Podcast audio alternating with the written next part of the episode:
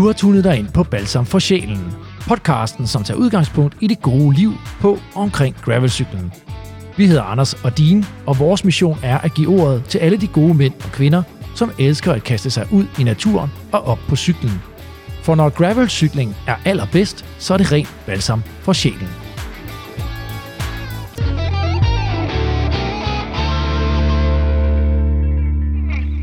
Yes, og så ser vi lige, om øh, det hele spiller, det gør det. Velkommen til Balsam for Sjælen, som jo i dag er en lidt anderledes udgave. Ikke også, Anders? Det må man sige.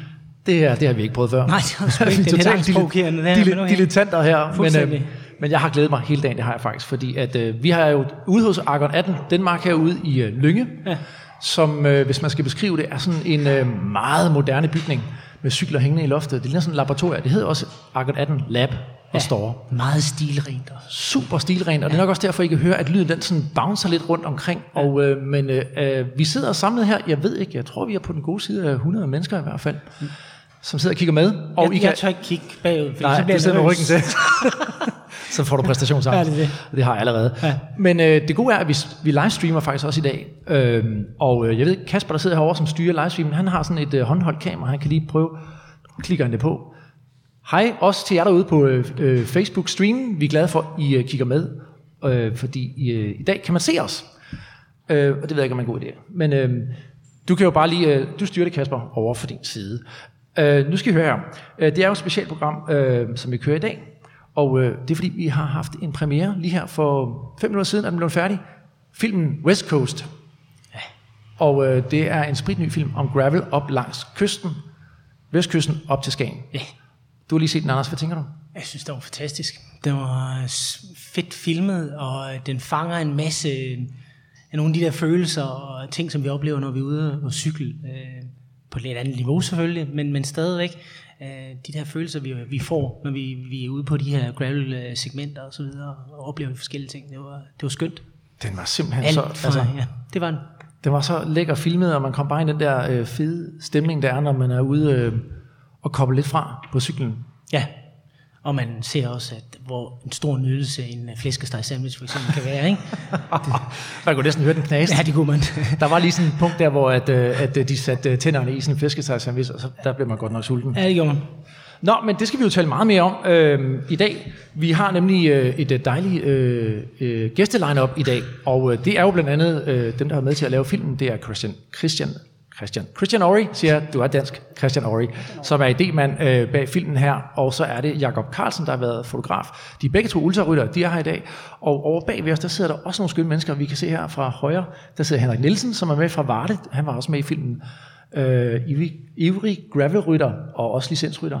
Så sidder Thomas Bundgaard i midten derovre. Thomas er jo øh, to gange vinder af Dirty Jutland, som bliver kørt ud på vestkysten. Og øh, han går efter et hat i år. Ja. Og så har han, øh, så har han stifter af Velofit, som gør sig i øh, træning og bikefitting. Og så har vi Trine Kvist på ydersiden derovre. Hej Trine. Og øh, Trine øh, underviser i øh, bikepacking. Hun har noget, der hedder Langt Ude Adventure. Så det er et dejligt øh, øh, gæste-line-up, vi har i dag, der er stillet op på startstregen. Anders, Så vi har et stramt program, som vi skal igennem. det, det har vi. Og prøv at høre, Anders, øh, du ved, jeg elsker øh, citater. Ja, det er jeg klar over. Og øh, jeg, jeg troede, jeg skulle have et par stykker med i dag, men det blev i stedet for et klip. Nå, Fordi at øh, nu er cykelløbene jo gået i gang, selvom der er corona, ikke? ja. Og, øh, og det er vi glade for, for der har været nogle super fede øh, landevejsløb her på det sidste. Men, øh, men coronaen, den gør dog, at de, øh, de skal testes. Ja, Og de har jo lige kørt øh, Polen rundt. Og, øh, og nede i Polen, der foregår det øh, ligesom herhjemme, at man bliver sådan podet nede i halsen, og Ja. så, du ved, ikke? Men, men jeg synes, at du skal høre øh, Brian Holms beskrivelse af, hvordan det foregår. Fordi han var, han var med i Radio Tour forleden. Ja. Og, og nu skal jeg så se, om jeg kan finde ud af det her. Men, øh, men øh, der siger øh, Brian Holm øh, sådan her. Dernede, der kommer altså en gammel heks, ikke? Klokken, klokken halv syv om morgenen, ikke? Øh, 80 år og fuldskæg næsten, ikke? Og det, det er lidt efter princippet. Hun har sådan en stok der på, på 70 cm. Hun jager op i, i snudeskaftet, ikke? Og jeg tror først, hun stopper, når man slår hende. Altså, der er et eller andet, hvor... Og så knækker de den over, og så den anden. Altså, kæft, det går ondt. Altså, helt op, man kan mærke det, du ved, når det rammer bagsiden af øjet der, det ved. Og, øh, og så tager de den ud, og så ned i halsen, og prøv at stikke en finger ned i halsen og begynde at kaste Jamen, op. Så stopper de, når man begynder at kaste op, så stopper de først. Ikke? Så, så der var ikke nogen rytter, de, de var sure, men det testede hele tiden. Ej, det er hæftigt. Men jeg kan godt lide, at han siger, at det kender jeg godt. Ja. Au. Nå, prøv at høre, vi skal ikke spille mere af jeres tid. Skal vi ikke bare komme i gang og sige velkommen til vores øh, første gæster. Velkommen til Balsam for Sjælen.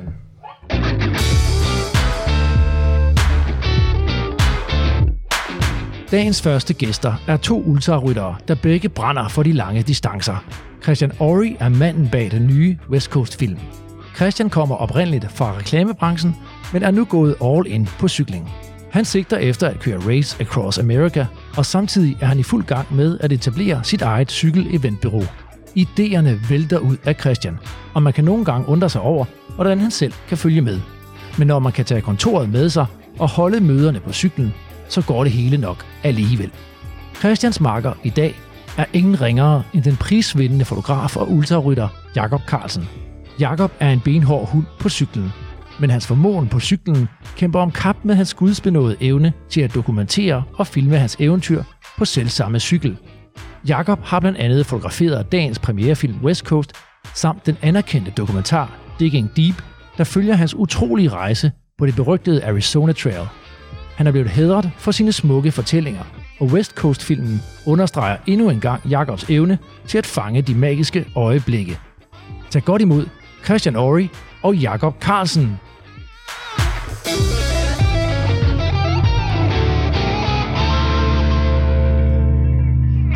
Så siger vi velkommen til jer to, Christian Ori og Jakob Carlsen. Tak. Tak. tak Tak. Godt. Prøv at høre, jeg øh, kan desværre ikke skrue fuldt op, fordi så er det igen, at det her lyd, som er ude i rummet, det ender med at feed ned i mikrofoner, men jeg håber, I alle sammen kan lytte med derude. Super godt. Og også på vores stream håber jeg stadigvæk, tingene kører. Ikke? Og øh, prøv at høre, først og fremmest, tillykke med jeres nye film. Tak. Tak skal du have. Den var super flot. Tak igen. Ja. og Christian, øh, det er jo dig, der har fået idéen til den her film. Ja. Hvordan, øh, hvor, hvad gik der til? Hvorfor skulle vi lave sådan en film om West Coast? Ja, altså, jeg har jo cyklet i, i mange år, øh, og nogle af de her følelser og beskrivelser, som vi snakker om i filmen, det havde jeg åbenbart en eller anden lyst til at skulle deles med andre. Øh, også når man cykler lange distancer nogle gange, cykler man jo meget alene, så mange af de der tanker og ting og sager, man har, man kan jo blive farligt filosofisk, patetisk en gang, når man cykler alene. Så øh, det tænkte jeg, at det skulle andre også nyde godt af, om man så må sige. Øhm, og så tog jeg jo kontakt til Jakob, som sjovt nok bor hvor langt bor vi fra hinanden? 500 meter eller sådan en kilometer eller sådan noget. Ikke? Og det var, jeg, jeg kendte ikke Jakob i forvejen, så det var en fælles bekendt, der pegede mig i, i Jakobs retning. Og øh, så talte vi ud sammen, og så fandt vi ud af, at jeg troede faktisk, at vi næsten havde de samme tanker omkring, hvad man skulle lave, og hvad der var fedt og sådan noget. Så jeg tror, det var rimelig hurtigt, at vi blev enige om, at det var fedt at lave sådan noget her. Jeg tror, vi havde de samme tanker, cirka. Ja. Hvad, hvad er det for nogle tanker så?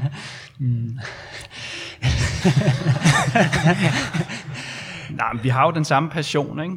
Øh, for det her med at komme ud i naturen og cykle og, og bruge os selv og bruge vores krop øh, på den her en gang imellem lidt ekstreme måde. Øh, og det her med tilgangen til, hvordan man klarer det hele mentalt og sådan noget, har vi også øh, fælles. Øh, så jeg tror bare, at vi også er et godt match i forhold til, at, at jeg har nogle forser, og Christian har nogle forser, som, øh, som til sammen øh, giver noget ret godt, faktisk. Jeg tror lige, vi skal sige her, Anders, fordi at, øh, det er jo ikke sådan, man skal sidde og tro her, at Christian er rytteren, og så er Jakob fotografen. Det er jo ligesom de der, det er ligesom de der Adidas reklamer og sådan noget, hvor der er en eller anden, der løber op ad en sindssyg bjerg, ikke? Ja. Men, og, og han sagde det jo selv indledningsvis, at øh, var det 33 øh, kilo, den, ko- øh, den kostede, skulle jeg sige. Den den også varede, kostet. ja, det har den også kostet.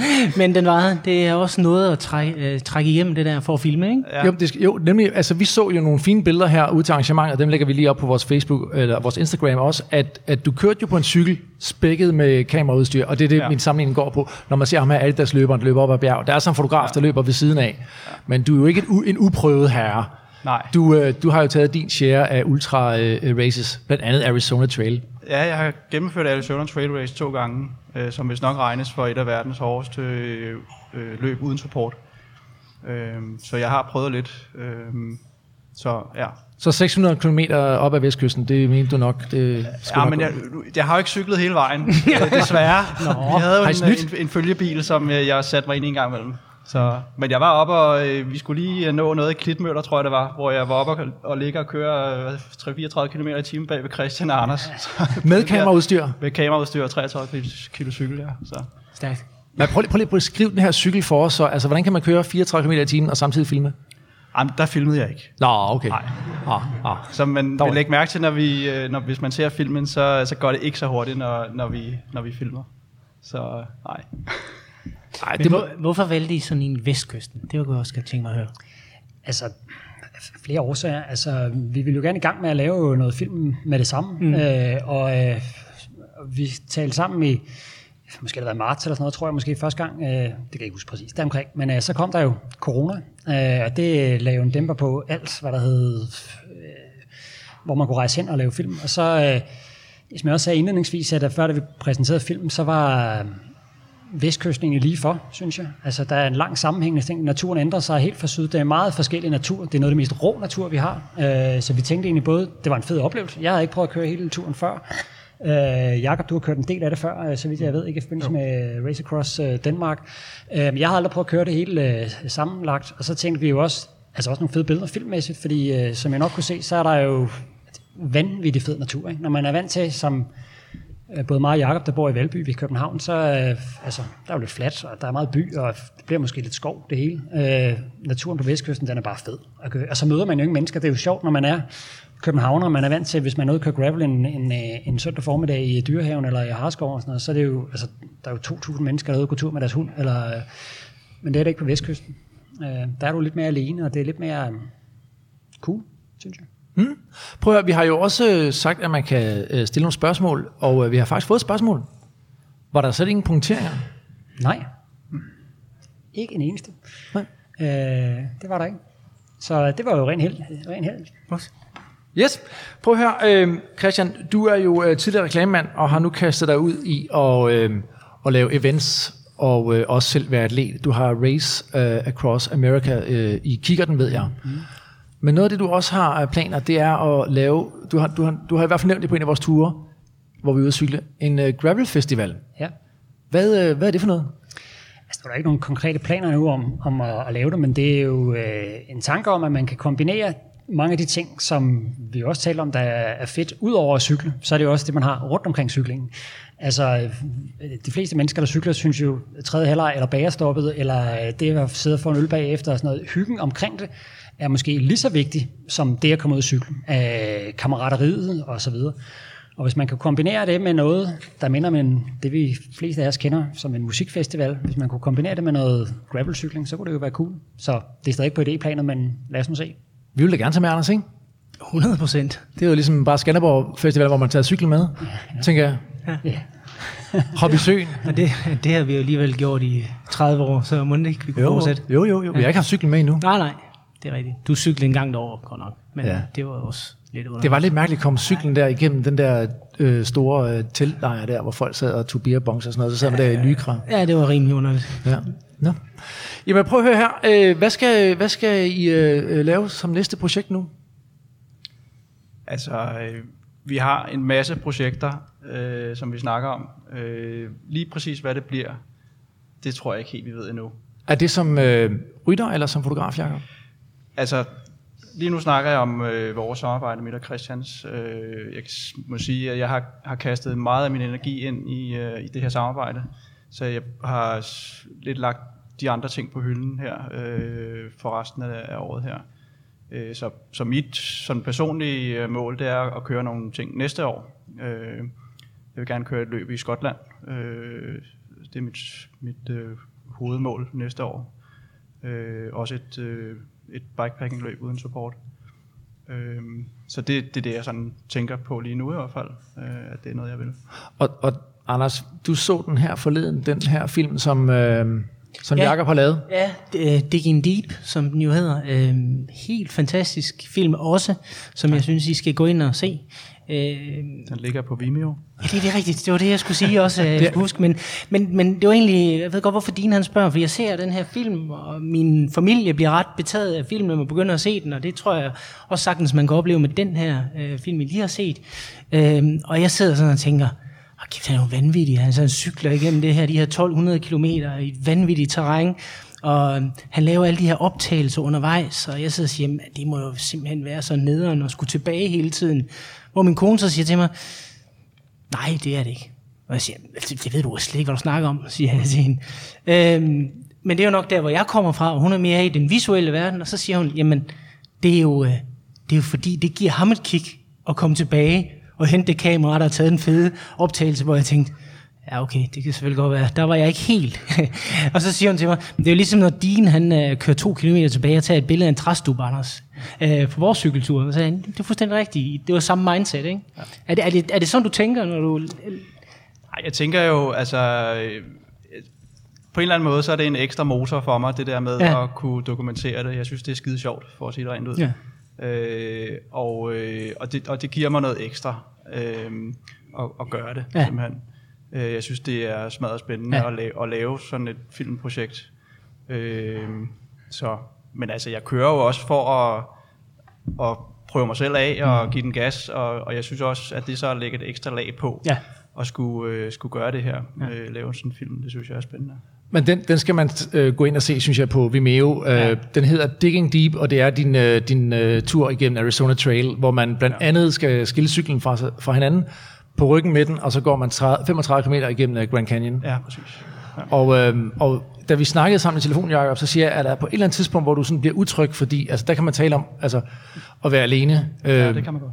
og der, der, er faktisk en, der er faktisk en episode, som du fremhæver, som ikke var særlig rar. Ja, men jeg, jeg har jo kørt løbet to gange, øh, og, øh, og kørt det så anden gang, fordi at, øh, jeg måtte simpelthen prøve det igen med, med de øh, ting, som jeg havde lært på den første tur. Øh, bruge dem øh, til at få en bedre tur, og, og faktisk også øh, køre den øh, to døgn hurtigere end første gang. Øh, nogenlunde med samme indsats. Øh, og det er jo noget med at time øh, hvad hedder det, sektionerne rigtigt, og, øh, og vide, hvornår jeg skal, skal gøre hvad.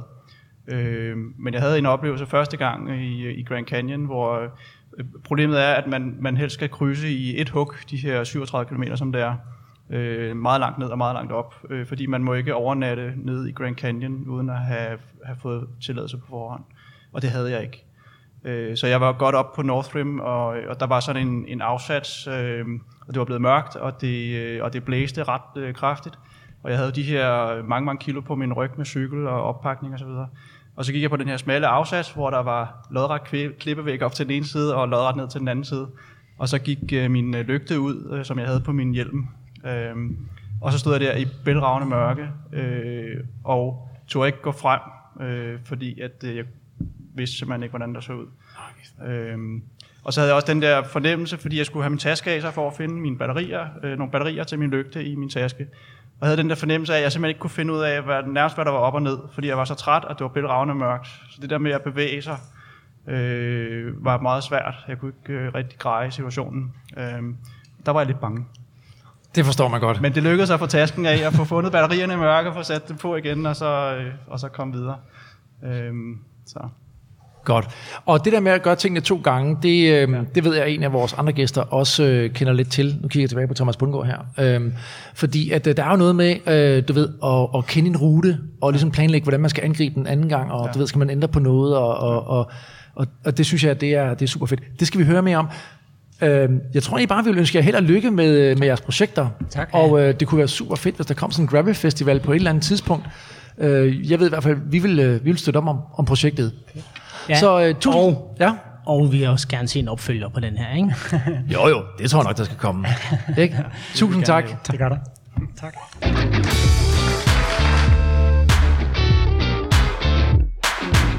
Næste rytter i feltet er en gæv vestjyde fra Blåvand. Henrik Nielsen er inkarneret konkurrencemenneske og har kørt licensløb det meste af sit liv. For 20 år siden begyndte Henrik at køre cykelcross, men de sidste par år er crosscyklen blevet skiftet ud med gravelcyklen. Henrik er som en fisk i vandet, når han bolder sig på sin gravelcykel i det smukke landskab omkring Blåvand. For selvom han er konkurrencemenneske helt ud til fingerspidserne, så er det også dejligt ikke altid at have det jav, som han siger. Henrik elsker foreningslivet og sidder i dag som sportsdirektør for Team Give Elementer, en licensklub, der udvikler lokale cykeltalenter og som kører med i de allerbedste rækker på landevejen. Tag pænt imod Henrik Nielsen.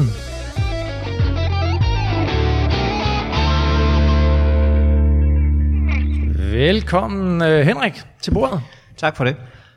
Du øh, er jo medvirkende i den her film West Coast, Ja, fordi den foregår i din baghave. lige uden for døren næsten, ja. Du har set den for første gang. Ja, jeg har kun set en lille teaser, som øh, Christian han har sendt rundt, og det var jo spændende. Og det her, det var jo så endnu mere spændende. Hvad tænker du? Jeg synes, at øh, de har gjort et skide godt stykke arbejde. Altså bare klipningen, det, er, altså, det giver jo næsten helt ud. Ja. Så det, jeg synes, det er rigtig godt. Og det er lidt sørgeligt, eller hvad kan man sige, der ikke er flere, der bruger tid på sådan noget, i stedet for reality-tv, så lad os se sådan noget som det her, det er meget bedre. Sådan, hørt. Sådan. og, og Christian kan Er, ikke der- er, der noget reality, hjem er der noget reality-tv, du specielt tænker på? Øh, jeg, jeg, ser ikke så meget af det. Nå, det er det godt for være. poppet. Det her det er meget mere spændende. det er godt. og så er det lærerigt samtidig. Det er det nemlig.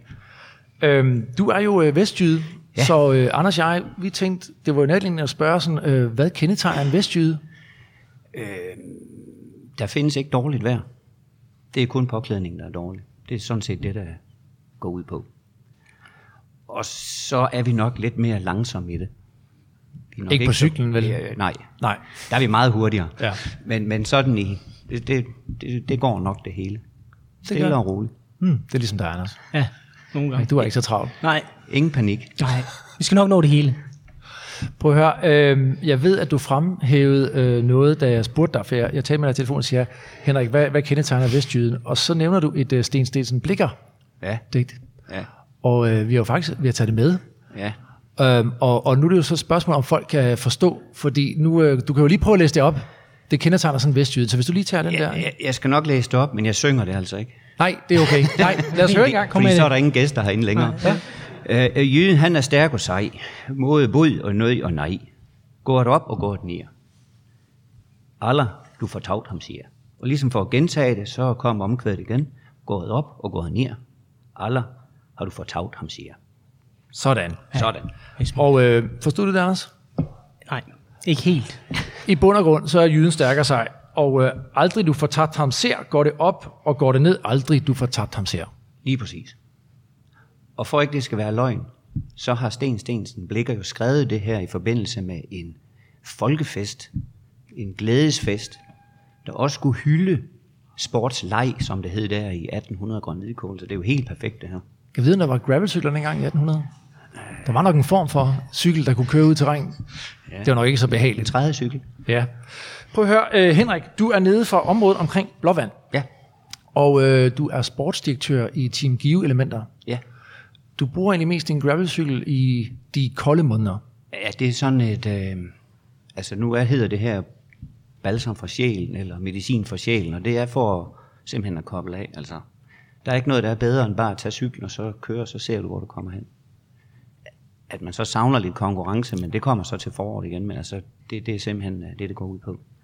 I har jo en, I har jo en øh, gymnasielærer med, med på jeres ture, ved jeg, som er øh, biolog. Ja, klog som ind i... Ja. Ja. Klog og stærk vestjyde. Ej, øh, stærk, det skal han ikke have ros for. Nå. Men, men han ved mange ting. Ja, han er stærk i hovedet. Ja, det er han helt vildt stærk. Ja. Ja. Og han er stærk i biologi og ting og sager, så der, der bliver vi andre belært indimellem. Fordi I elsker at tage ud og lære lidt om lokalområdet. Ja. Mm. Altså det, øh, vi, vi kan jo ikke køre forbi et græsstrå, andet end han lige skal fortælle, at det her det er så et eller andet specielt græsstrå.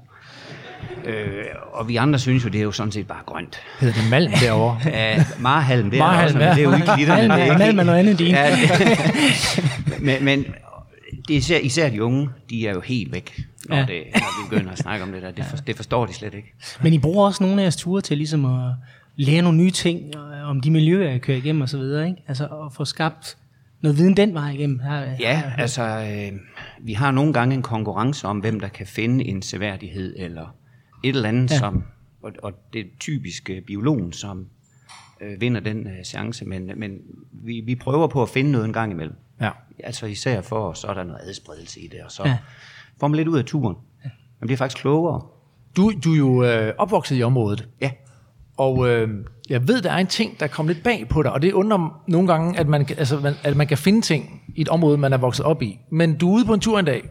Ja, man kan finde mange ting, især over i det vestjyske, men, mm. men den vi snakkede om der, det er... øhm, Jeg kan ikke lige huske, hvor, hvornår på året det er, men øh, det er, det er jo i foråret eller et eller andet i den stil der. Vi kører ved, mellem Ho og Blåvand, og lige pludselig så stopper vi op øh, midt i det hele. Der har kommunen været så venlig at sætte sådan et informationsskilt op, og så står der Sønderside.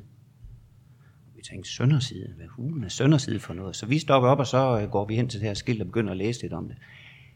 Og så er det faktisk øh, den øh, største by der har ligget i området øh, på det tidspunkt. Altså der var jo mellem 1000 og 2000 øh, indbyggere i højsæsonen.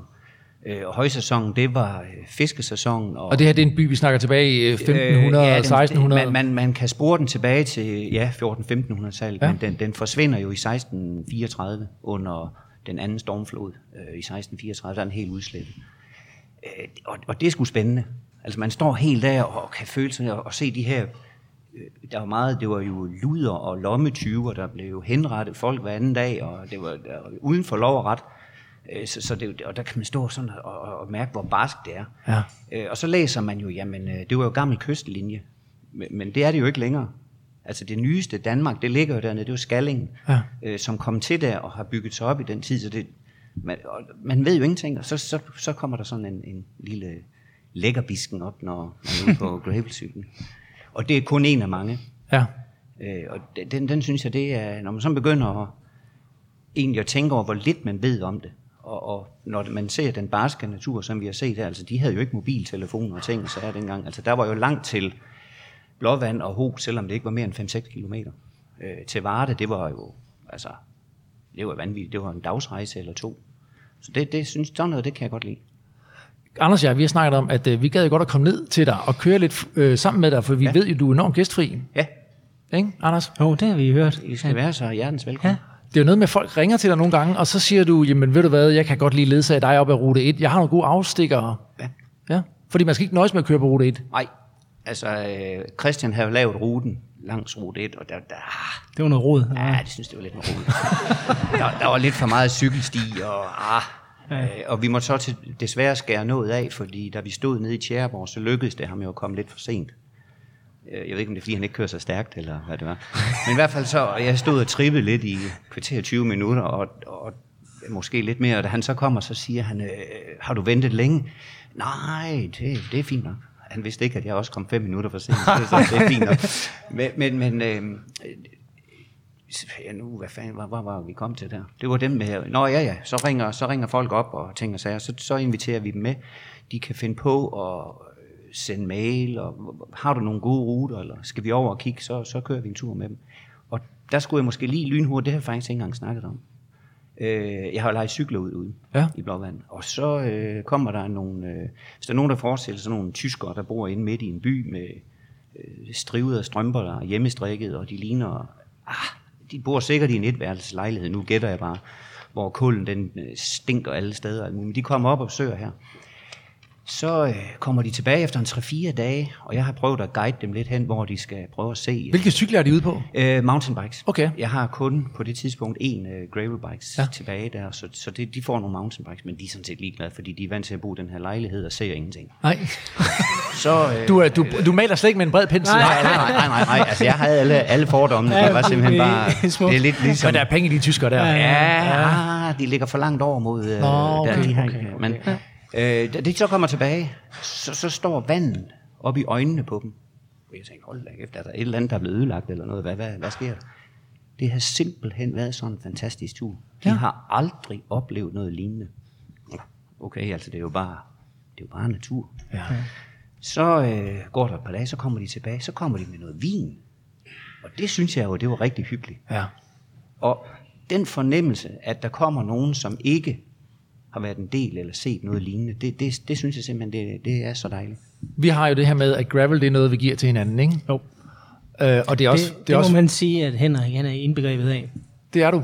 Henrik, hvis, øh, hvis vi kigger over en dag, vil du tage os med ud på en tur? 100 procent. Det er godt. I giver lyd. Og hvis nu folk gerne vil, øh, altså det er ikke fordi, jeg sådan skal, øh, nej, du nej, skal du passe på, nej. lægge op til, at du bliver overrendt. Hvor mange cykler har du? Hvor mange lejer du ud? Jamen, øh, vi har været udsat for lidt øh, tyveri, så det kniver med at have så mange, men, men hvis der er nogen, der mangler cykel, så hjælper vi Det med er fordi, I bor på det der sønderside, ikke? Det der, Øh, der, ja. ja, ja, ja. Nå, men prøv at høre, hvis, hvis man skal have fat i dig, så, øh, så kan vi nok finde ud af at formidle kontakt. Lige præcis. Ja. Alle er velkomne, og vi skal nok finde en tid, hvis det passer. Hvis ikke det passer, så har vi masser af venner, som vil vise dem Vestkysten. Fantastisk. Det er fantastisk. Lige afslutningsvis, er der et område, hvis du nu øh, sagde, det der, det skal man bare have med, hvis man kører på Vestkysten. Hvad skal det så være? Så, så, så skal man starte øh, nord for Vejers, altså Børsmose og Græb, der hvor, øh, hvor øh, vi, vi bliver filmet med drone ude i det der øde Vi har så lidt na- ren natur i Danmark, og det der, det er noget af det. det er, altså, smider du dig i lyngen eller i græsset, altså, og du kan fornemme, hvordan det hele det øh, suser om dig. Lærken, den hænger 60 meter op, og det, det er bare fantastisk. Fedt. Man får sgu virkelig lyst til at tage det Jamen, det skal vi. Det skal vi. vi kommer på besøg, og øh, Henrik, øh, det var en fornøjelse at have dig med. Tak. Selv tak. Kom godt hjem. Tak skal du have.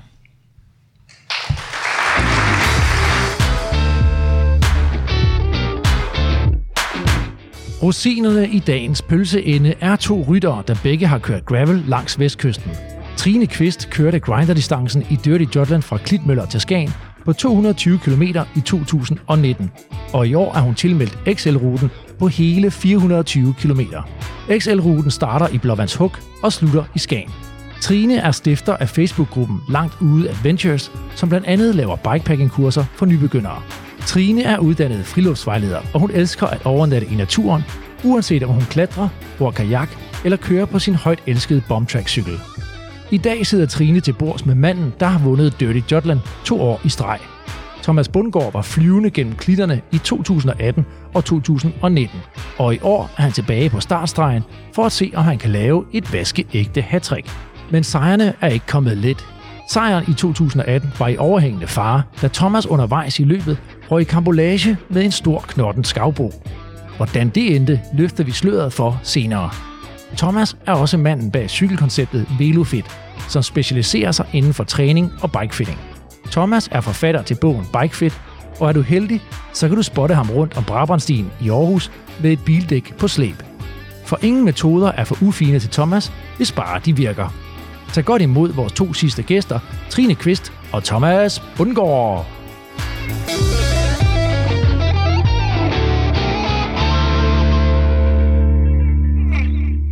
Velkommen til, Trine. Tak. Thomas. Tusind tak. I, øh, I har jo begge to kørt øh, op langs med Vestkysten i forbindelse med Dirty Jutland. I kørte det begge to øh, sidste år faktisk, Ja. så jeg ved ikke, om I så hinanden. Eller- Ah, jeg tror, at Thomas han var langt foran. Jeg husker det i hvert fald ikke sådan lige på, på stående fod, men øh, må ikke. Det, vi, vi, vi spiste måske en burger øh, i målområdet. Noget du at spise? Det gjorde jeg. Ja, fordi Thomas, jeg har ikke sådan mistænkt for, at du når at opfange rigtig meget på din tur. Jeg har sådan, jeg har sådan kan I huske den der, den der, mip, mip, den der tegnefilm, du Yes. ved, hvor der bare sådan en støvsky, og sådan en strus, der bare farer afsted, eller noget i den retning. Det er sådan, jeg forestiller mig, at Thomas Bundgaard op langs med Vestkysten over. Tænker jeg også. Og så sidder man bare i der støv bagved. Ja. Ja, Hvis man det, er så heldig. Det forsøger jeg i hvert fald, hvis det, hvis det er konkurrence, men øh, jeg, jeg, vil også sige, at jeg, jeg, har, jeg, jeg tager mig tiden nu her også til at, at køre nogle af de her gravel-ture, som, øh, som I lige set på videoen. Det, det nyder jeg virkelig også. Så det bliver også sådan lidt til lidt sightseeing. Men jeg, jeg nyder også øh, helt sikkert konkurrencen i det. Og lige præcis med Dirty Jutland, øh, når der så også er, er andre vedderløbere, der, der står klar, så, øh, så, så holder jeg heller ikke igen. Det gør jeg bestemt ikke. Altså jeg husker, Anders, vi, vi kørte det jo i 2019, ikke også? Jo. Det var smukt vejr, ja. Og øh, depoterne var fyldt. Det vender vi tilbage til. Ja. Øhm, og vi kommer godt afsted, og så bliver der sagt, I skal lige være opmærksom på, at der kommer nogen, der gerne vil køre vedløb. Så dem skal I lige lade passere. ja, det må jeg sige, der kom. Hold da kæft. Ja. Øh, men så gør man jo lige det der som motionsrytter, så siger man, ah, jeg kan sgu lige hænge på, bare lige i de her 100 meter, ikke? Ja. Så, så har man sådan en stor tilfredsstillelse. Ja. Jeg tror, jeg hang på i 50 meter. Ja, det var noget af den. Men det føles godt. det føles Og så var de væk igen. Det var en sejr. Øhm, men men øh, ja, der er jo noget, vi skal have faktatjekket i aften øh, med, med, med dig, Thomas. Fordi vi har jo faktisk haft øh, Jakob Lindsel ind i øh, en af vores øh, podcasts, også, som kørte med der i øh, top 3. Og øh, ja, lad os bare sige sådan, der er nogle øh, historier, der vandrer lidt. Ja. Men dem tænker vi, vi lige får styr på i aften. Det gør vi. Det er noget om, øh, om noget motionistfinden, og det er også noget, som vi sagde indledningsvis, med noget med nogle øretæver, der hang i luften. Ja. Det vender vi tilbage til. Yes. Øh, Trine, du kørte øh, i øh, 2019, du kørte grinderruten. Hvordan var det? Det var sindssygt fantastisk. Øhm, ja, som I selv lige var inde på, så var det bare helt vanvittigt vejr. Det kan være, du lige skal hæve mikrofonen op, så det kan Anders lige hjælpe dig med der, fordi så kan man bedre høre dig. Jeg skal lige, mens I gør det, så siger jeg lige også til øh, dem, der kigger med via Facebook, at vi skal undskylde, at der har været nogle udfald undervejs, øh, men sådan er det med teknik og kabler. Men øh, forhåbentlig er lyden med igen. Øh, den går jeg ind imellem. Trine, sorry. Du kørte det første gang. Hvordan var det? Ja, det var, det var fantastisk. Øhm, det var en helt vanvittig flot rute. Øhm, den var, ja, naturen er bare helt formidabel deroppe på Vestkysten. Øh, det er lidt ekstra råt og det var smukt vejr. Øh, der var vist også lidt modvind, så vidt jeg husker. Det tror jeg, det, det har det været begge årene, er det ikke sådan? Helt, helt, jo, det husker jeg også. Ja. Ikke bare fordi du kører så stærkt. Nej, ej, Ah, der okay. var modvind, det er helt sikkert. Øhm, og så var det bare et, øh, en fed type øh, af løb, som ikke er konkurrence, men lige så meget en, en oplevelse. Ja, fordi hva- hvad var din tilgang til løbet? For man kan jo køre det, som man vil. Ja, øh, det var bare at køre det. Mm. Øh, der er nogen, der har stablet en sindssygt fed rute øh, på benene, og ja, det tiltalte mig bare, tror jeg. Så skulle den bare lige hakkes af, af listen der. Øh, support lidt. Ja, det er et stykke arbejde, de har lagt bag, og prøve at, lave, prøve at køre noget, man ikke selv ligesom har siddet og nørdet kort derhjemme. Ja. Øh, men ja, Og så har du givet dig selv en ekstra udfordring i år, har jeg hørt. ja, Ja, det er rigtigt. dobbelt op næsten. 220, det var ikke nok. Nej. Nej. Nu tager du XL-ruten. Ja, 420 km. ja. Hvorfor det? Det ved jeg ikke. øh, mm, fordi at, øh, jeg ved ikke, der er et eller andet med de der lange distancer. Øh, det, ja, det var fedt at kunne øh, transportere sig selv så langt i et hug. Eller, ja, øh, det er også fedt, sådan det psykiske, der foregår inde i en sådan, kan jeg? Eller sådan, mm. man stiller sig selv så mange spørgsmål. Hvorfor fanden gør jeg det overhovedet? Eller sådan, øh, og ja, jeg har aldrig prøvet at køre en hel nat før. Det tror jeg også ligesom var, er med. Ja, fordi den går, den går fra Blåvands Hug, Ja, og så kører man, og så tager man nok en overnatning, ikke også? Nogen kører måske igennem. Det er der sikkert nogen, der Men det lyder til, at du har planlagt, du, eller, eller, eller kører du igennem? jeg tror, det kunne godt være, at jeg skal have en lille lur på et tidspunkt, Ja. men det bliver ikke en hel overnatning. Nej. Øhm, Jeg vil lige sige, øh, Anders, den, den scene, der ligesom var i filmen West Coast, vi lige har set. Ja. Hvor at Christian kommer op til, øh, til grenen, Ja. og, og mørket er faldet på, og han går der med lygterne tændt, og man kan, sådan, altså man kan bare fornemme den der boble, han ligesom er i. Den mm. der, du ved, hvor, hvor man ligesom bare lukker sig ind i sig selv, og bare nyder at være nærmest alene i verden. Ja. Altså, det er jo det, som at køre om natten jo måske kan i virkeligheden. Og du har ikke prøvet det før? øh, jo, altså jeg har kørt om natten øh, med kæmpe store lygter, øh, både på grus og mountainbike. Øh, og det, øh, ja, det er bare sådan helt, helt anden dimension af cykling, øh, fordi man netop er inde i den der boble, og det er bare dig og din lille lyskejle, øh, og der er ikke andet end det, du kan se to meter frem, måske lidt mere, men Ja. Det, det håber jeg, at det er lidt mere, du kan se for og lidt mere. øh, men det føles ikke som, at man kan se Nej. andet end, end det i hvert fald. Øh, men det har måske været et par timer, max. Ja. Mm. Øh, det her det er ligesom fra solnedgang til solopgang, og så fortsat et par timer mere i den anden ende. Øh, Jeg, jeg har lige kørt et løb, der hedder Red X, øh, som har tre distancer. Øh, den er 400, 600 og 900, og der prøvede jeg også at køre om natten. Øhm, og det er, noget, det er noget specielt, og det er også noget, man skal mande sig op til, hvis man i forvejen lige har kørt, øh, altså jeg kan huske den ene aften, havde jeg kørt 180, og tænkte, jeg kunne godt have lagt mig i posen der, og så valgte jeg at køre fire timer mere øh, i bælragende mørke. Øhm, og det, det er ret øh, crazy. Men det gør også det, som Jakob sagde, altså det, mentalt. Altså, der gør det bare noget ved en. Mm. At man lige rykker det der stykke der. Det, det fysiske, det er ikke det. Det er simpelthen det mentale. Og man, mm. og man orker øh, at, at gå fire timer mere, efter man har siddet så lang tid på cyklen. Øhm, Thomas, er det noget, der lokker dig, det her, øh, den måde at køre på? At tage sådan en XL'er? Jamen, jeg vil sige, hvis du spurgte mig for um, et år eller to tilbage, så på ingen måde. Altså, jeg, jeg synes, der er alt for meget skattejagt over det, for at være helt ærlig. Altså, det, det bliver simpelthen for ekstremt. øhm, og sådan har jeg det haft med, altså mange gange med de der sindssygt lange løb. Men altså, ens grænser, de flytter sig jo. Altså, og det der med at køre 220 km, jamen altså, jeg tror måske faktisk, det er den der øh, koncentration, der også kan ligge i det der med, man, altså, hvis det i hvert fald er et vedløb, så, øh, så, så kan det være svært at holde, øh, holde, holde hovedet skarpt i så lang tid. Altså, men øh, jeg vil sige, at det er i hvert fald ikke så langt fra, øh, fra mig, som det, som, det, som det har været øh, tidligere. Altså, jeg holder mig stadig til, til 220 km distancen, og, og jeg vil sige, at en 6-7 timers vedløb, for mig, det, det, det er nok. Altså, øh, jeg kan godt lide at, også at køre længere. Altså, øh, det, det gjorde det også her for nyligt, øh, altså hjemme fra Lønstrup, hvor jeg også bare havde sådan en, en tur, øh, som jeg... Jeg var måske lidt arrogant i min, min planlægning, det, øh, det er jeg ret sikker på, at du ved meget mere om, øh, i forhold til at lægge ruter. Altså, jeg har bare plottet øh, to destinationer ind på Strava, A og så, lige præcis, og så have satset på, at den, der, det der, den kortfunktion på Strava, den ligesom har styr på det. Og der vil jeg sige, at øh, da jeg kørt 35 km i de der klitter op omkring Lønstrup, Øhm, og brugte to timer på det. Altså, hvor jeg altså, havde ufattelig meget sand i skoene og så videre, så videre. Der tænkte jeg, altså jeg kommer ikke hjem i dag, hvis det her det bliver ved. Nej. Så der, øh, så, men, men altså grænsen den flytter sig ind i en, så, øh, så lige pludselig at, at stå til start på, på noget, der er længere, øh, altså jeg går også og flytter lidt med tanken om noget øh, Dirty Kansas eller sådan noget, men det er jo, der er også vedløb i det, og, der er, og det er ikke fordi, det kun, kun er det, der trækker, altså det er også det der med at se nye steder og sætte, øh, sætte nye udfordringer op, altså bestemt. Nå, men der må da gerne være vedløb i det. Altså, øh, det, det er jo igen, det er jo bare, hvad man gør det til. 100. 100. Ikke? Anders, du gider ikke vedløb. Ikke rigtigt, vel? Nej. Nej. Ja, det har det været med at, at få oplevelsen og suge den helt ind, øh, i stedet for. Men jeg er også på grund af mine, mine manglende evner nok, men det er jo sådan en anden snak. Øh, så det, det, Det, det, det kommer jo an på, fordi evner er jo så mange ting. Jo. Det, det er jo også en evne at, at spotte en god øh, bager. Og, du Det- ved, det er fandme god til. Du ved, det, det, hvem, vil- hvad vil du helst være ude med? Vedløberen eller ham, der ved, hvor der er god ost og rødvin?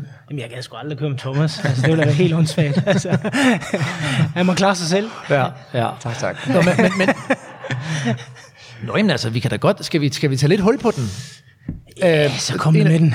Jamen, det, det synes jeg. Prøv at høre. Vi, vi sagde jo øh, indledningsvis, at øh, du, øh, du røg i noget håndgemæng, Thomas, på din øh, tur i øh, 2018. Ja, det, var, det var i hvert fald tæt på, vil jeg sige. Ja, øh, og, øh, og det har noget at gøre med, at øh, I kommer ud på ruten, og det skal siges til øh, løbsarrangørens forsvar, at det var hans første øh, øh, Dirty Jotland. Ja. Og øh, jeg ved, at det kom lidt bag på ham.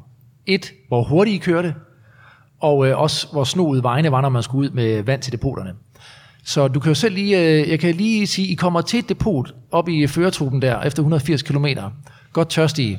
Yeah. Og øh, som Jakob Lindsel øh, øh, sagde i vores øh, øh, tidligere podcast, havde kørt på dampe i et godt stykke tid. Ja, 180 km på dampe, På dampe, ja. Så synes jeg, tag den derfra, Thomas. Hvad sker der så? Ja, jeg er nødt til lige at gå en lille smule længere tilbage, fordi da vi, da vi kommer til 115 km depotet, altså der, øh, der var vandet ikke rigtig noget ud, og der var ingen, ingenting at få. Der lå et par, måske et par bananer, og så stod der en, øh, en rigtig god øh, gut i depotet, som sagde, du må godt få min madpakke, hvis det er. øhm, altså, og der, der var vi sådan ved at være så lidt, uha, jamen det, der, der, altså, der er alligevel øh, et stykke vej til, til næste depot, som var ved 185 op ved, ved Skiveren Camping.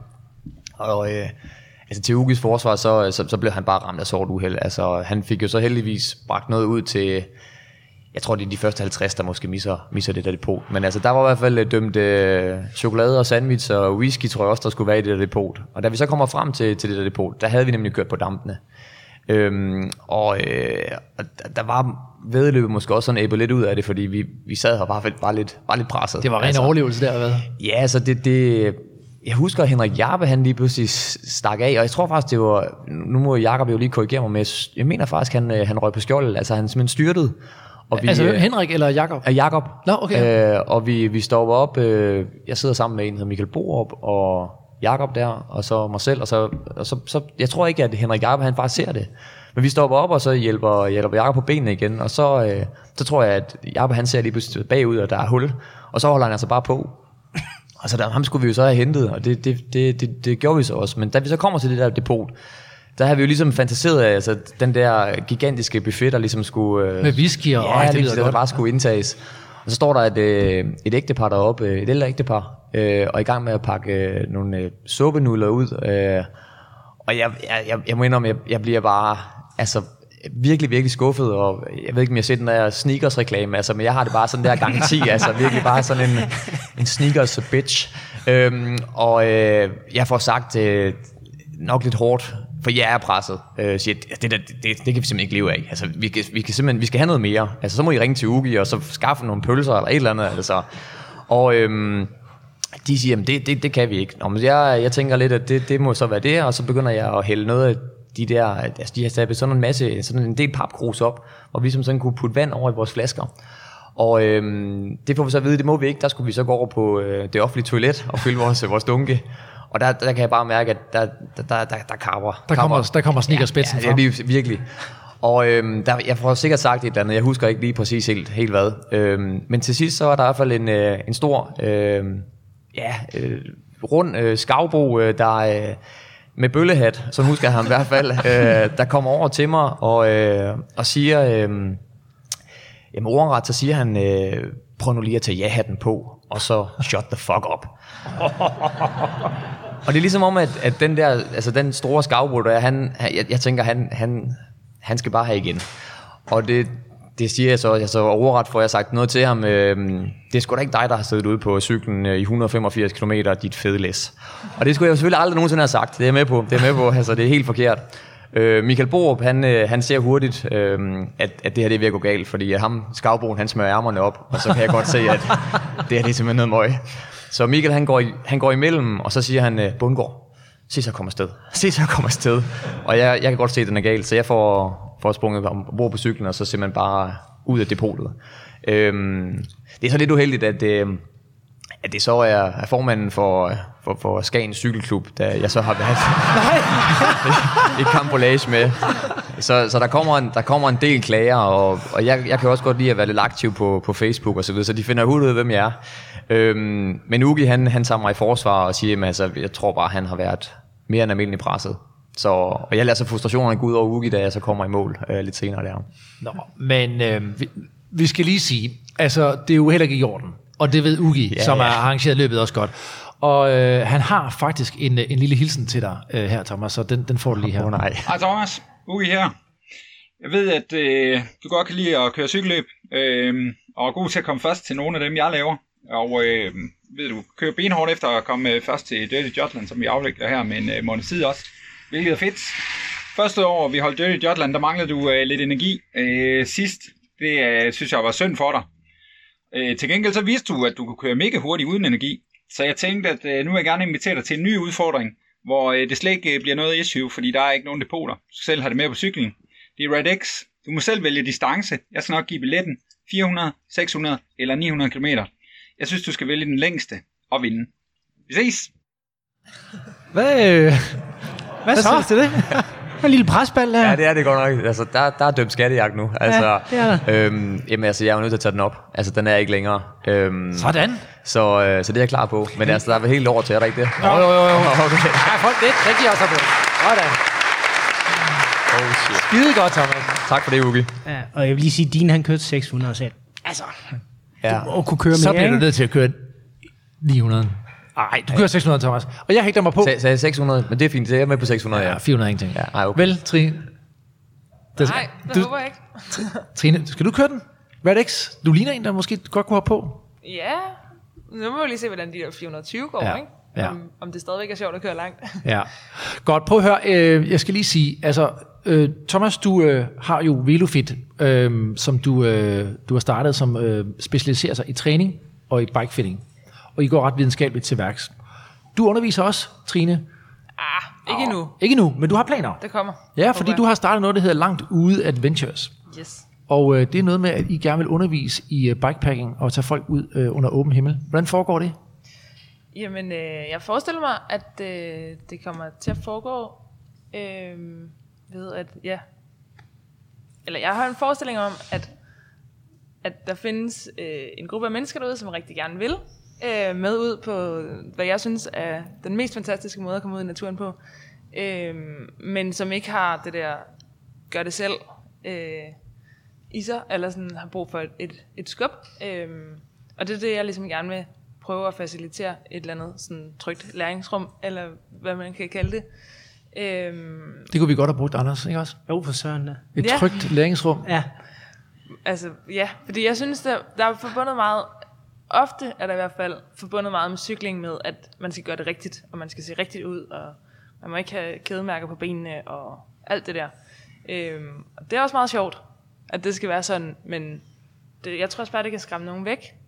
Øhm, og jeg kunne godt, ja, jeg kunne godt tænke mig ligesom at fortælle folk, at der er også en anden del af, af cykling, hvor at det bare handler om at ja, være, være ude og udfordre sig selv på, på du måde, man gerne selv vil. og du har taget en uddannelse som naturvejleder, var det ikke? Friluftsvejleder. Friluftsvejleder, undskyld. Ja, Ja. ja. stor forskel. Ja, sorry.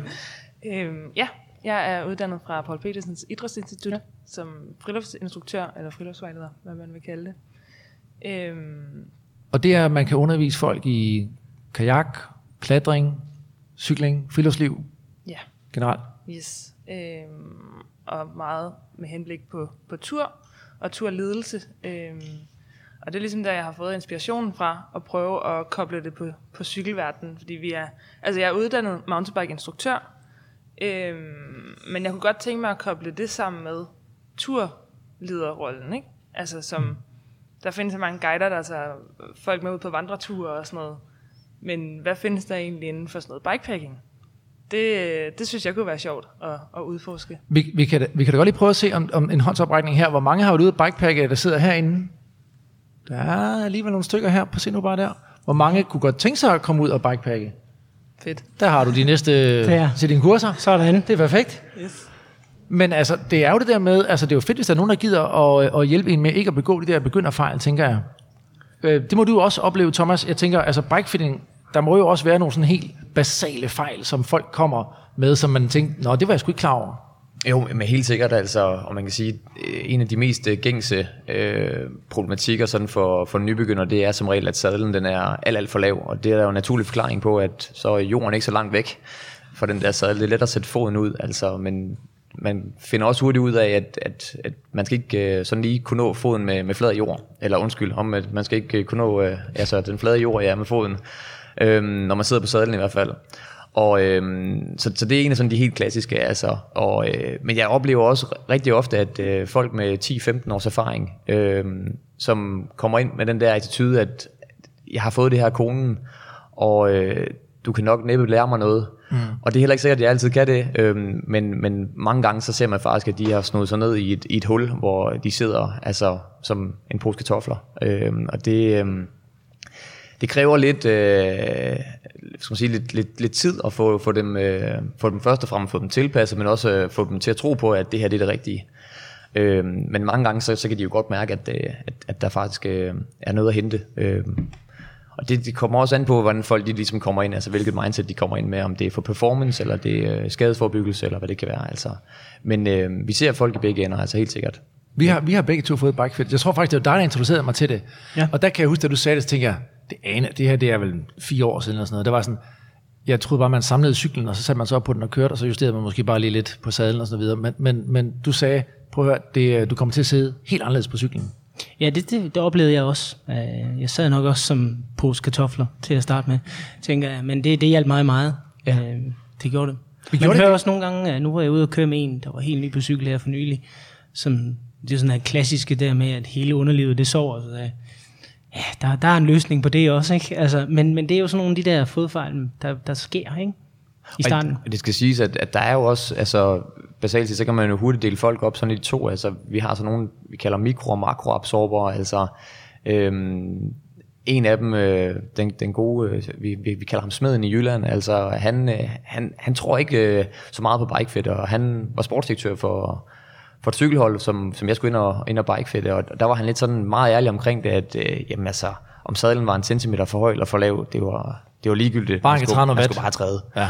Øhm, så, så der er nogen, der, der er mindre sensitive, øh, og der er nogen, der aldrig får skader, mm. øh, altså nærmest, øh, nærmest uanset hvad de, hvad de gør. Øh, og så er, der, så er der andre, der, der kan mærke, jamen, altså, hvis sadlen den er sunket 2 mm, jamen, så, så, så, så dur det ikke. Øh, og dem skal man måske også øh, tage lidt i hånden en gang med at sige, jamen, altså, det skal nok gå alligevel. Altså. Øhm, men det er fuldstændig rigtigt. Altså, der er nogen, altså, der virkelig sådan har nogle af de der sådan klassiske symptomer, altså med sovende underliv. Og det kan også bare være sovende fødder eller hænder og ondt i ryggen. For, øhm, altså, og dem mange gange, altså cykling skal basalt set ikke, ikke gøre ondt. Altså cykling bliver jo bliver brugt som et, et middel til genoptræning efter operationer og så videre, så videre og er en lav belastningssport. Øh, altså en lav belastningssport.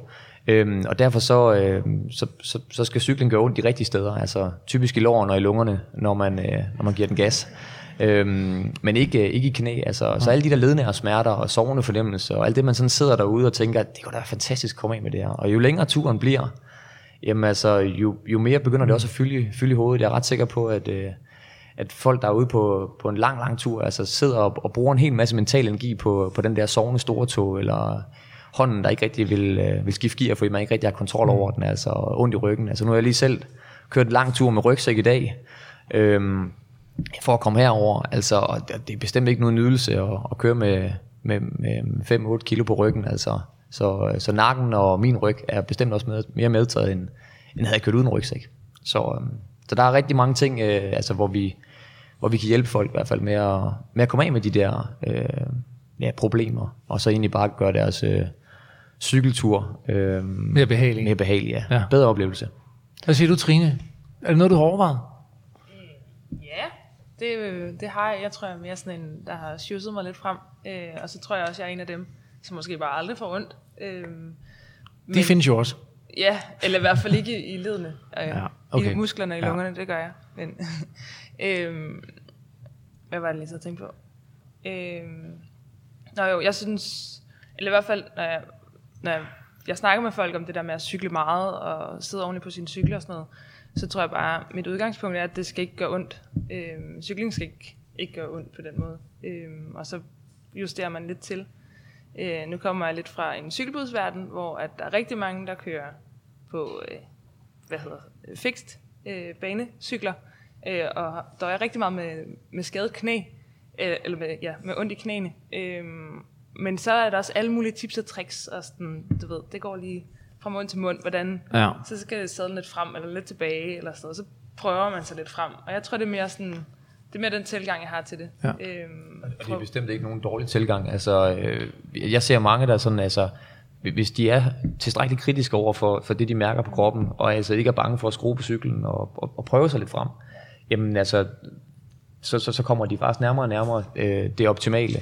Øhm, og og det, øh, det, skal, det skal man endelig gøre. Altså selvom man har været til bikefitter, og, og bikefitteren siger, og computeren siger, og alt det data, der måske er på det her bikefit, siger, at det her det er det rigtige, så skal man stadig forholde sig kritisk over for det. Altså, det er også derfor, den der, den der efterfølgende testperiode, øh, hvor man måske stadig er i dialog- dialog med sin bikefitter, den er, øh, den er rigtig, rigtig god øh, at, at gøre brug af, øh, og så ikke være bange for at droppe næsen lidt på sadlen. Og, øh, øh, men laver man nogle større ændringer, det er i hvert fald det, jeg siger til mine, mine klienter, at øh, jamen, så, så, øh, så, så meddel dem om det. Altså, fordi nogle gange så kan man godt tage tingene i en helt forkert retning, øh, fordi mange gange så er tingene måske spejlvendt, hvis man opererer med klamperne i hvert fald.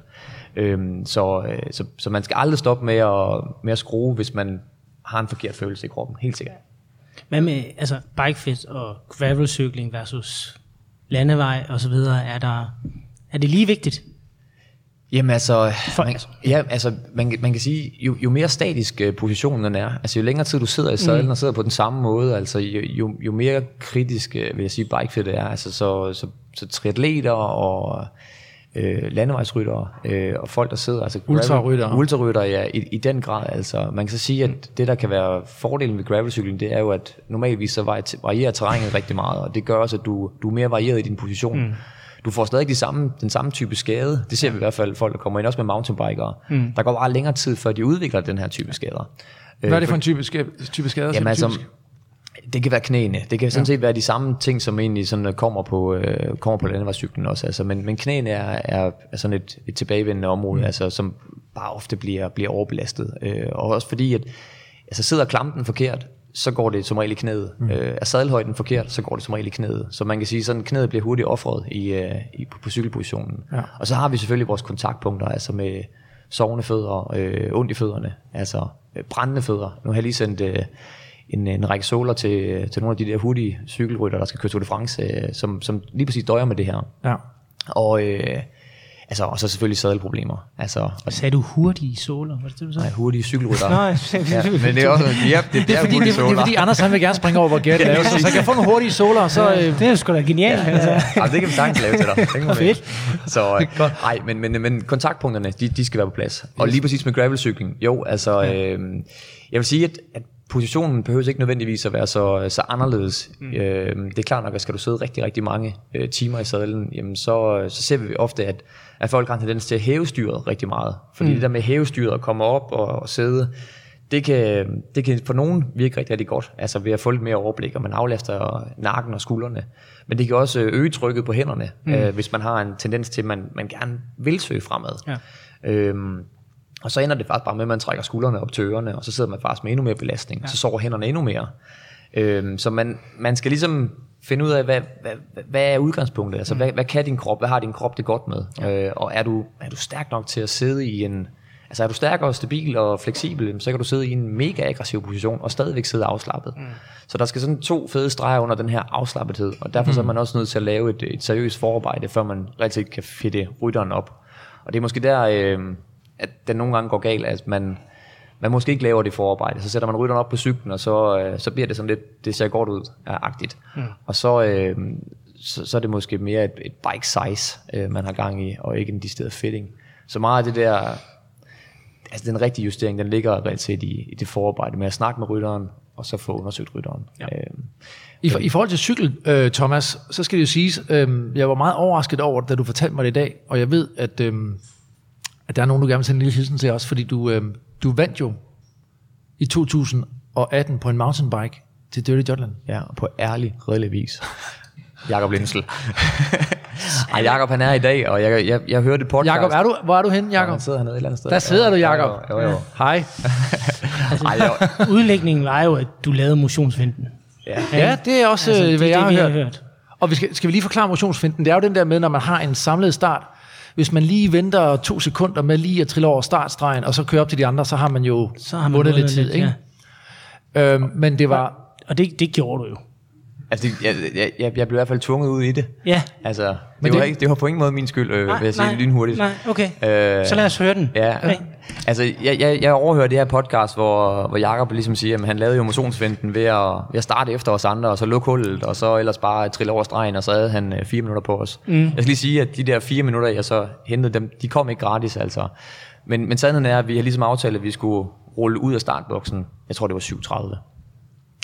Og øh, da klokken er 7.30, der, øh, der, der er måske 7.25, og der er jeg på vej til start, øh, og står i, i Klitmøller, og øh, jeg siger til, til fruen og min, øh, min nyfødte søn, øh, siger, vi, vi ses i Skagen, hej hej.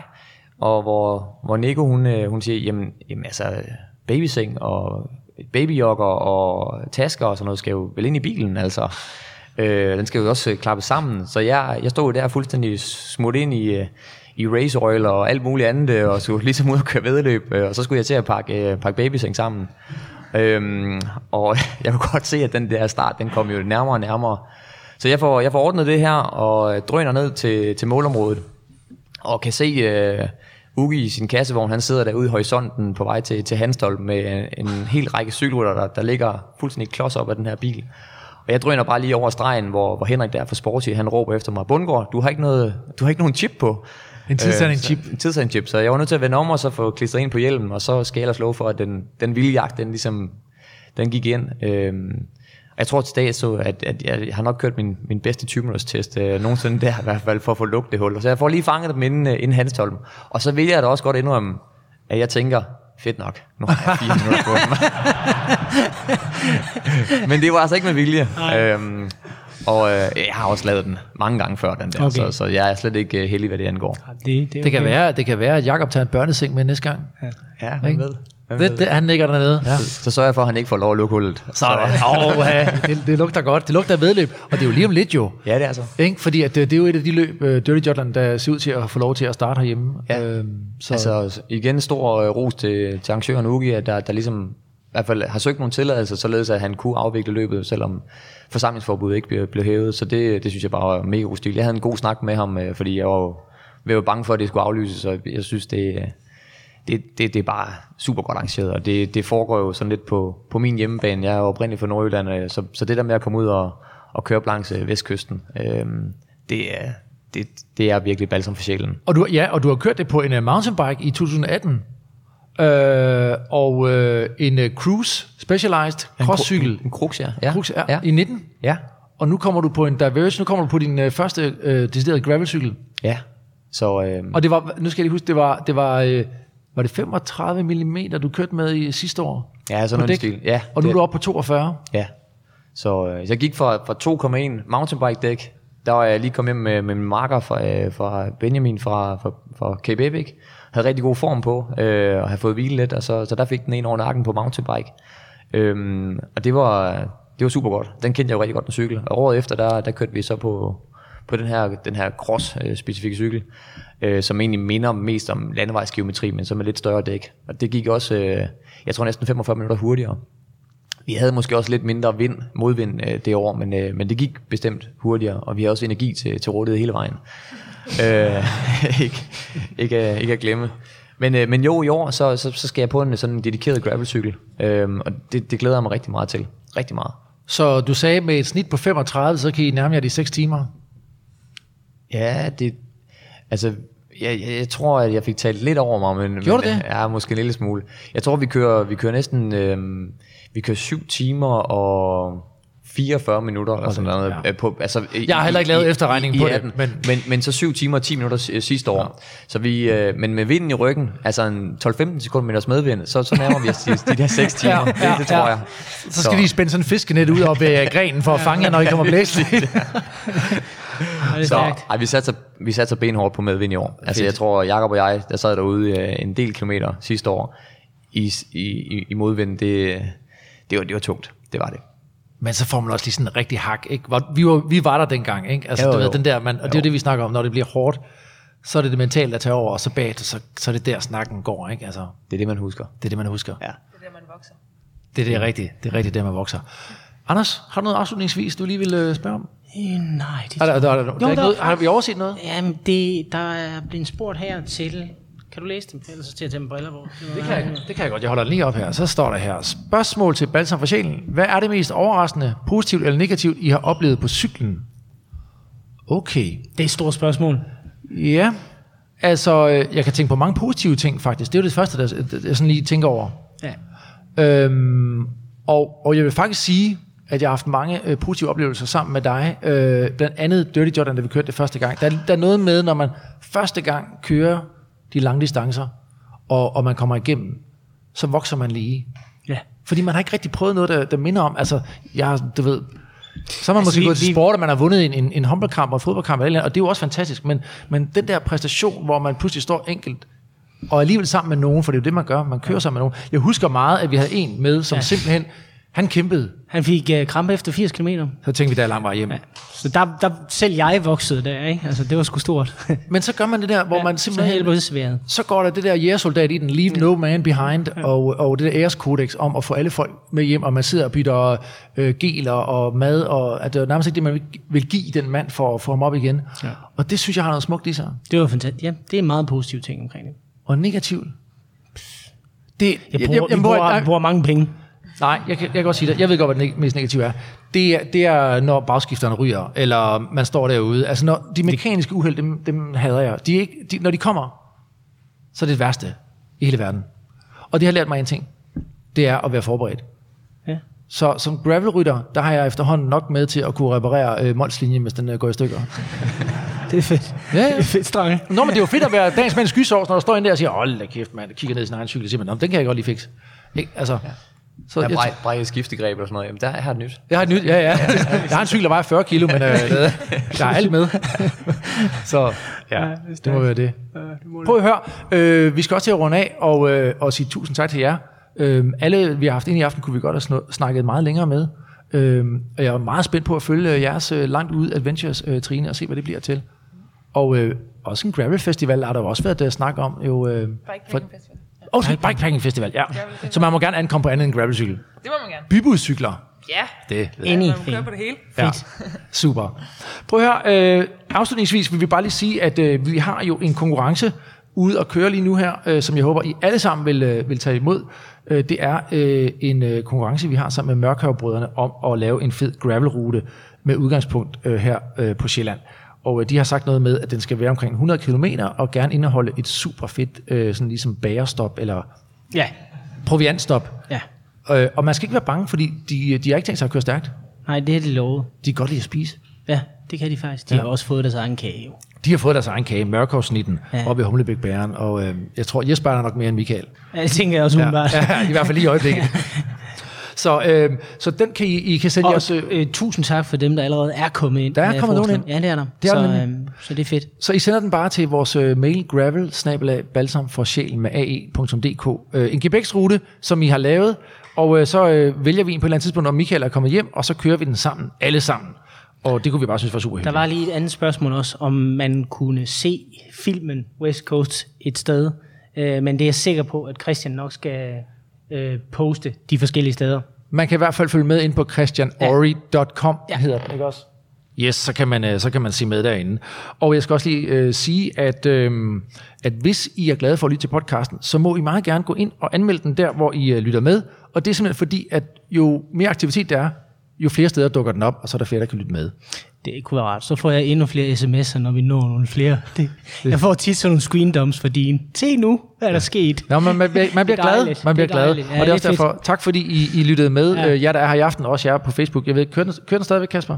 Ja, så Så, ah, det, er- det er fedt. Det er godt, du ikke skal operere nogen med det øh, ordforråd. Skide godt.